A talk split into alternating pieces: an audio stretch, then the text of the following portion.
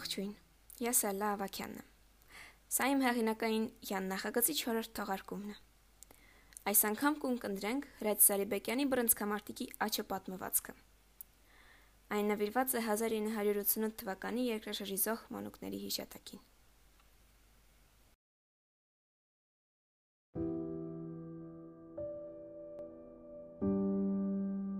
Հայրս պահել էր նրա ձեռքերն ու սպասում էր։ Նա էլ էր սպասում ով նայում ինձ, մի հայացքով, որի իմաստն ինձ ուշ հասկանալի դարձավ։ Դե խփիր, կրկնեց հայրս։ Մի վախեցիր։ Ես բռունցքներս սեղմել ու վարանում էի։ Հետո նայեցի հորս աչքերին ու բացասաբար շարժեցի գլուխս։ Հայրս մտահոգ տեսք ընդունեց։ Ինձ թվաց, թե վերջապես որոշեց ձեռք քաշել ինձնից, որովհետև ասաց. Լավ։ Հետո անսպասելի տղային հրեց իմ կողմ։ Դե որ դու չես խփում, ինքը թող քեզ խփի։ Խփի, բղավեց նա տղայի վրա։ Ես եմ ասում, խփի։ Խփի աչքս տեսնի։ Նա կանգնել էր իմ հորս մեջտեղում։ Գլխահակ ու առաջ չեր գալիս։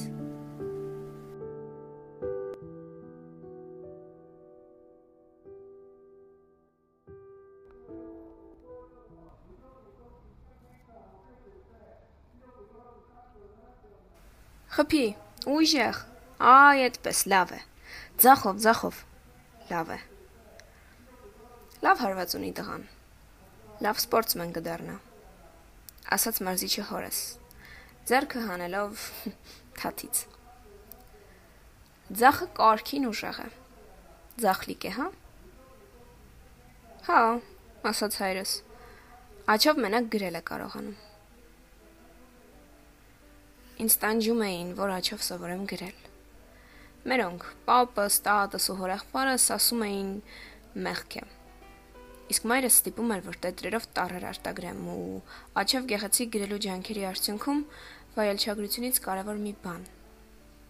Ամեն ինչ կատարելության հասցնելու համար կրկնելու համառություն յուրացրի։ Բա ինչի ես ուզում բռնցքամարտիկ դառնալ։ Մարզիչը ձեռքը դրել էր ուսիս։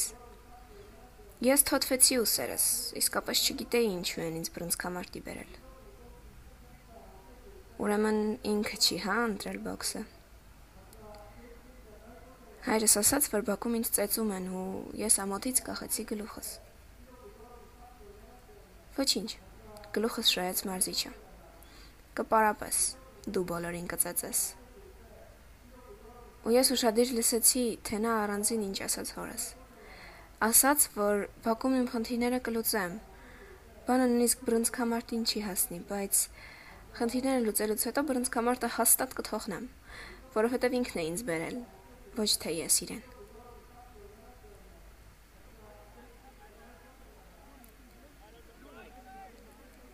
Բաքում ինձ անընդհատ ծեծում էին։ Ծեծում էին բոլորը։ Չէին թողնում, որ մի քիչ երկար տրվեմ իմ ինքնամփոփ ու ինքնամոռաց խաղերին։ Թողնում էին, որ խաղամ իրենց հետ, հետո ծեծում էին։ Ամենից շատ ես վախենում էի նրանից, Ժանից։ Այն տղայից, որին հայրս ինձ բռնցքամարտի բերելու նախորդ օրը բռնել էր, որ իր որդին խփի, իսկ հետո տեսնելով, որ անպետք որդին չի խփում, նրան էր ստիպում, որ խփի որդուն։ Ու որդին փախավ, որ տանը լաց լինի։ Լաց կանխազիկի մեկը։ Ուրեմն հայրը կարող է լքել իրեն, վիրավորել նույն խոսքերով, որոնցով Բաքում էին վիրավորում իրեն։ Կարող է հավանություն տալ, որ իր աչքի առաջ ծեծեն իր որդուն։ Իսկ ինձ ծեծում էին Բաքում, դպրոցում։ Սկսեցին ծեծել մարզադպրոցում։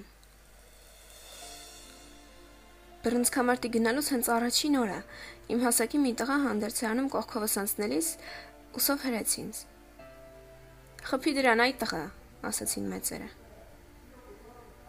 Ես նայում էի նրա ցծված ականջներին, տափակ քթին, հայացքի չար մարտահրավերին ու չէի կողմնորոշվում ինչ անել։ Ասում են ուժեղ ձախ ունես, հա? Չփորձենք ձախիտ ուժը։ Հələ խփի ինձ։ ասաց նա ու երկու ձեռքով հրեց։ Հատակին գցեց ինձ։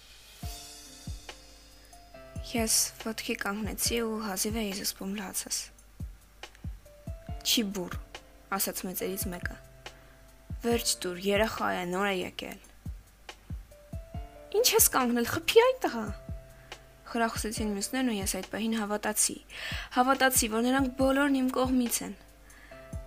Նրանց ցայնը հանկարծ վստահություններ շնչեց ինձ ու ես ցախս տարա։ Իսկ նա խույս տվեց։ Մի անգամ էլ, ասաց։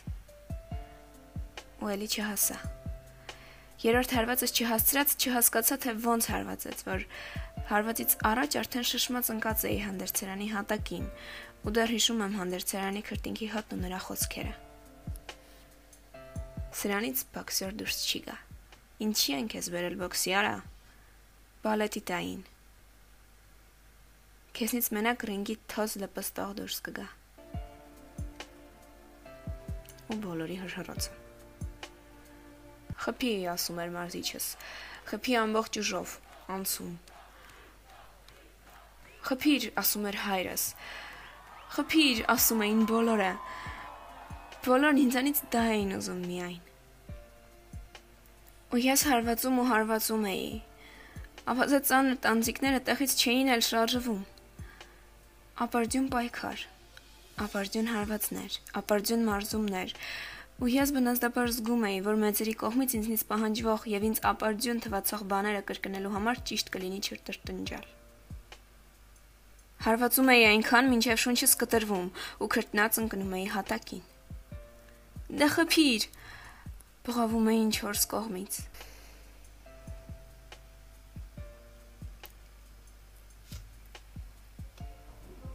Ես ճարպկորան խույս էի տալիս մրցակցիս հարվածներից։ Հայտնվում անակնկալ ու ձեռնտու դիրքերում ու հանկարծ ինձ խրախուսող ժխորից ականջիս հասավ նրա ձայնը։ Առաջին անգամ իմ անունը տալիս։ Բղավում էր։ Հիմա նայել էր սրտանց ուզում որ խփեմ։ Չի բուրը։ Ու հենց այդ պահին զաղ ձեռքիս հարվածն իջավ մրցակցից դեմքին։ Հասկացավ արդյոք որևէ մեկն այդ խառնաշփոթի մեջ ինչու էր հարվածս այդքան ուժեղ։ Փոքրիկ նիչել էր ծնկի ու ձեռնոցների մեջ առել դեմքը, ու ես տեսա հարթակի վրա կատկթացող արյունը արարքիս հետևանքի անսպասելիությունից անշարժացել էի, մինչև այդ ամեն ինչ ինձ խահար թվացել։ Աղմուկի ու իրարանցման մեջ, հարթակի ուղիղ մեջտեղում կանգնած, սպասում էի, որ տղան ոտքի կանգնի, որ զայրանա ու հարցակվի ինձ վրա։ Բայց երբ նրան ոտքի կանգնեցրին, մի ձեռքով նա քթի տակ թրջոց էր պահել, մյուսը մրցավարն էր բռնել ու երբ մրցավարը բարձրացրեց ցախս, ես զգացի, որ ուզում եմ դուրս բրցնել նրա ձեռքի ակցանից։ Իսկ քրտինքի մեջ կորած ձեռնոցներս հանելուց հետո զգացի, որ դա խորտ ձեռք է։ Ոչինչ, ասաց մարզիչը սկմծի ծախտալով։ Էլ ինչ բոքսեր, որ քիթը ջարդած չլինի։ Ինչ որ մեկի ձեռքով կոտրվելու էր, քո ձեռքով եղավ։ Այդ օրը տնային գրելիս ես արտակարգ մի բերկրանք էի զգում աջ ձեռքիս շարժումներից։ Զգում էի, որ ցախս իմը չէ։ Իմը լիներ ոչ թե մրցավարը, այլ ես կբարձրացնեի ինքս ցույց կտայի, որ հաղթողը ես եմ, այն էլ ում։ Մի պահ անպաշտպան երեխայի, որ ինչի գիտես ինչու ծնողները բրոնզկամարտի են տարել։ Գուցե ինքն է կյանքում քեզ հետ մի անգամ հանդիպելու համար բրոնզկամարտ ընտրել, ու այլևս գուցե չհանդիպես նրան որ խղճիդ վրայից անդրությունը թաթափելու հնարավորություն տաս։ Չի լինում։ Որքան էլ փորձես ինքդ քեզ խափել, թե հարվածողը դու չէիր, այլ նա ով առաջի անգամ տալիս էր անունդ։ Նա էլ էր անցել նրանց շարքերը, ովքեր ուզում են, որ խփես։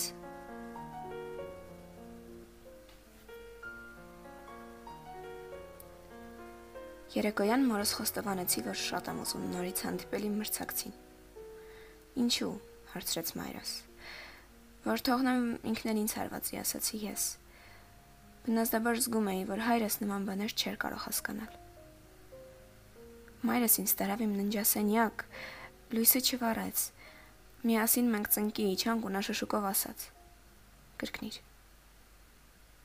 Հայր մեր որ երկնքում ես։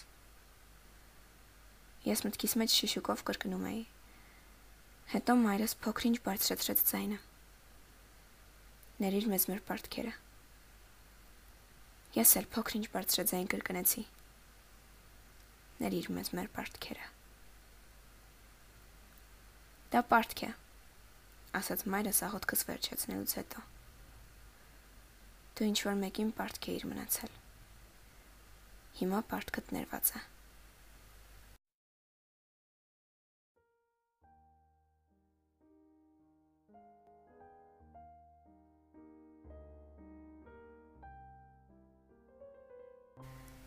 Առաջին անգամ մարդու դեմքին հարվածելու տհաճության հետ ես զգում էի նաև հաղթանակի բերկրանքը։ Հայրս փոխել էր իմ հանդեպ վերաբերմունքը հանկարծ ու հպարտացել էր ինձնով։ Բոլորի մոտ պատմում էր, պատմում էր, չափազանցնելով ու առաջին մրցամարտս նոր ինձ անհայտ մանրամասներով էի տեսնում։ Ինչ որ բան փլվեց իմ ներսում։ Առաջին անգամ հասկացա, որ մարդկանց վերաբերմունքը հիասթափեցնելու չափը փոփոխական է մի ակնթերթում արհամարանքը լրիվ հակառակ վերաբերմունքի, ակնածանքի կարող է փոխվել։ Մարզադպրոցում բոլորն ինձ արդեն սկսել էին հարգել ու ես վերագտել էի ուրիշների հայացքների տակ մարզվելու վստահությունը։ Բակում դեռ չգիտեին, որ խոստումնալից բրնցքամարտիկ եմ։ Ձմռան առաջին օրերն էին, այլևս բակ չէին իջնում ու ես անհամբեր սպասում էի գարնանը։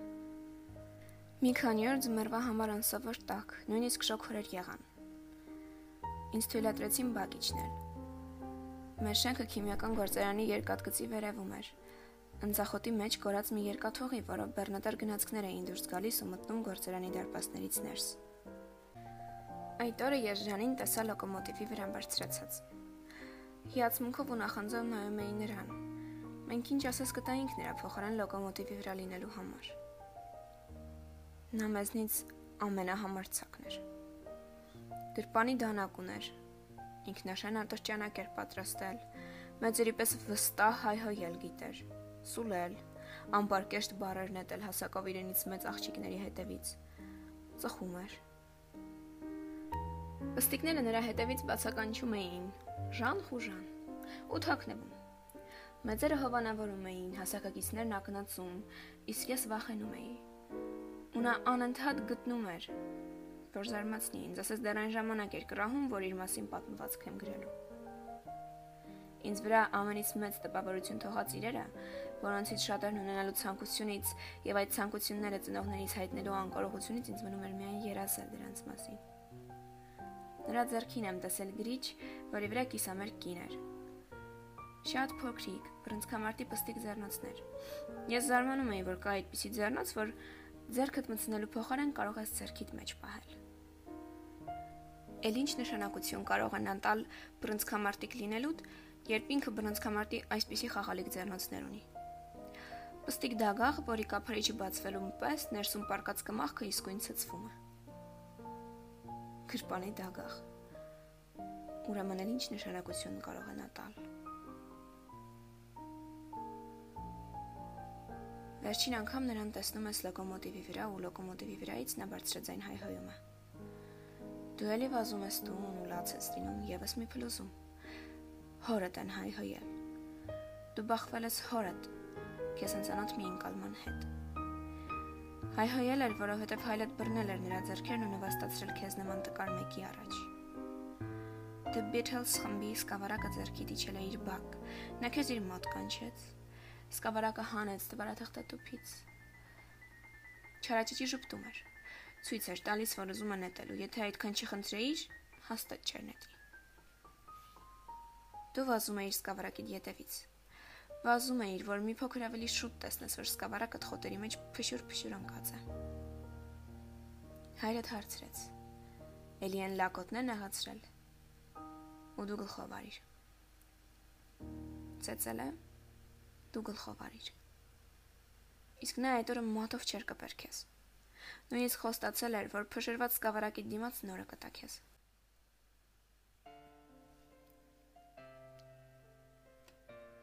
Հայրը ծայրացած բակ իջավ։ Քաշեց նրա ականջը, հետո բռնեց ձեռքերն ու պահանջեց, որ հարվածես։ Իսկ նա կանգնել էր հանգիստ, իր անզորության հետ հաշտ, կարմրած ականջով, կամահրական մի ժպիտ դեմքին ու սպասում էր հարվածին։ Հարվածը հասցնելու որոշումն ավելի ուշ։ Հորը թայհոյելուց հետո կայացրիր, երբ արդեն պատրաստ էիր այդ հարվածին։ Արդեն բռնցքամարտիկ էիր։ Լավ պատկերացնում էիր հարվածը։ Այնքան էիր պատկերացրել, որ արդեն հիշում էիր։ Հիշում էիր հորդ հասցրած հայհոյանքը, որ ուղեղիդ մեջ խազնկած սկավառակի պես հա կրկնվում էր։ Քեզ վճռականությունն ներշնչելու համար փորձում էիր անընդհատ վերհիշել այդ հայհոյանքն ու նորից պատկերացնել հարվածը։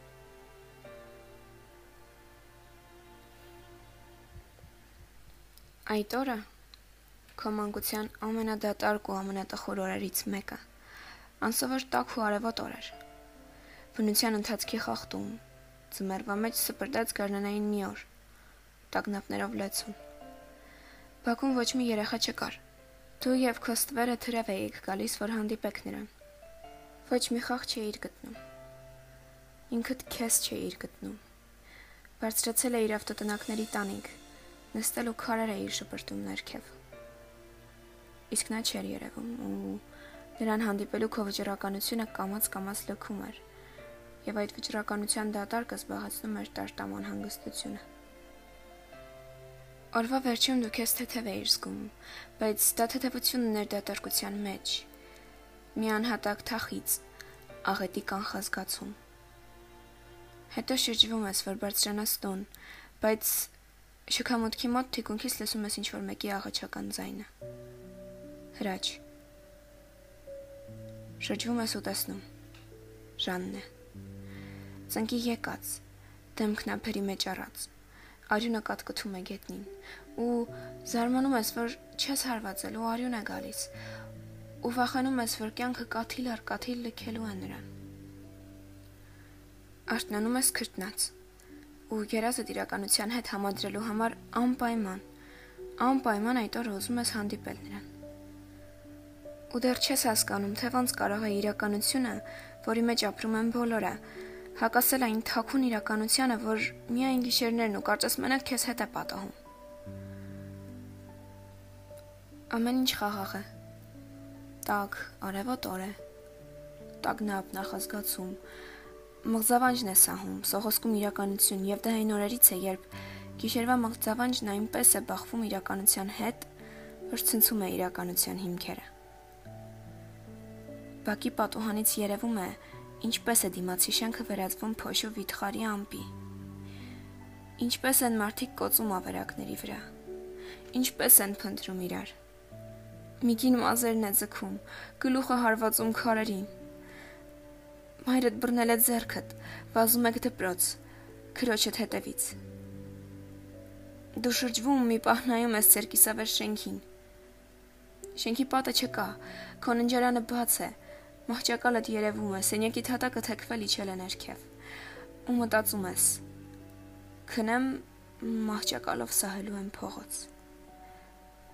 Ինչ որ շենք ես փնտրում, չկա։ Մորդ փլատակներ ես ցույց տալիս ու ասում. Ժանն այդտեղ էր ապրում։ Նա լուր է։ Փնտրում է երեխաների մեջ ու միայն քրոջդ դպրոցի բակի իրարանցման մեջ գտնելուց հետո ասում. Ժանն էլ դպրոցում եղած կլինի։ Եվ դու մտածում ես, որ Ժանն էլ երևի քեզպես հիվանդ ու այդ օրը տանը մնացած կարող է լիներ։ Կարող էր։ Նրան հանդիպում ես միայն տարիներ անց, պատահաբար, երբ դասընկերներից հետ արդեն իմացել է իր ամեն ինչ։ Ժան։ Իսկ նա ճպտում է։ Ժան Տոնոյան։ Դու ցնցված ես։ Դու արդեն պատանի ես, իսկ նա դեռ երեխա է մնացել։ 1978-ից 1988 10 տարեկան։ Շփտում է։ Միթե հիշում է քեզ։ Հիշում ես, հայրդ բռնել էր ձեռքերս ու սպասում ես, որ հարվածես ինձ։ Հիշում է։ Դու չէիր փորձում ընդվզել, առարկել, Կանգնել էիր լուր, անզորությանդ հետ հաշտ ու համերաշխ։ Հայացքով խրախուսում էիր, որ հարվածեմ քեզ։ Դու էլ էիր բոլորի նման ասում խփիր։ Դու հասկանում էիր, որ մեծերն են այդպես ուզում։ Հայրս է այդպես ուզում ու հայացքով խոստանում է իր ներել ինձ, ու հետո վրեժ չլուծել ինձնից։ Ներիր։ Նա քո դեմ չէր չարացած։ Նրա զայրույթն ինձ էր ուղղված։ Բրոնզկս սախմելու ու չարանալու իմ անկարողությանը։ Հաջորդ օրը նա ինձ բրոնզկամարտի տարավ, որ հարվածեմ քեզ, բայց երբ իմացավ, որ դու այլևս չկաս, անկախծորեն տխրեց։ Իսկ երբ մարդը տխրում է, նախկինից ավելի խորը տխրությամբ է տխրում։ Նա շատ տխրեց, երբ իմացավ, որ դու Ինձ թվում է նա հասկացավ բրոնզկամարտը թողնելու իմ որոշումը։ Հասկացավ, թե ինչ մեծ դժբախտություն է ռինգում մենակ լինելը։ Նա չէր համակերպվում այն մտքի հետ, թե երեխան պիտի հասկանա, որ մահանում են ոչ միայն մեծերը, այլև իր տարեկիցները։ Եվ նա հաստատ չէր ուզի, որ ինձ բրոնզկամարտի տանելու իր արարքի ամբողջ անհետությունը գիտակցելու գինը երեխայի մահ լիներ։ Նա ձեռքս բռնած բրոնզկամարտի էր տանում, ընդամենը մի հարված հասցնելու համար։ Իսկ հայրս մյուսը, որ երկնքում է, չեր թողնելու, որ հարվածը հասնի քեզ։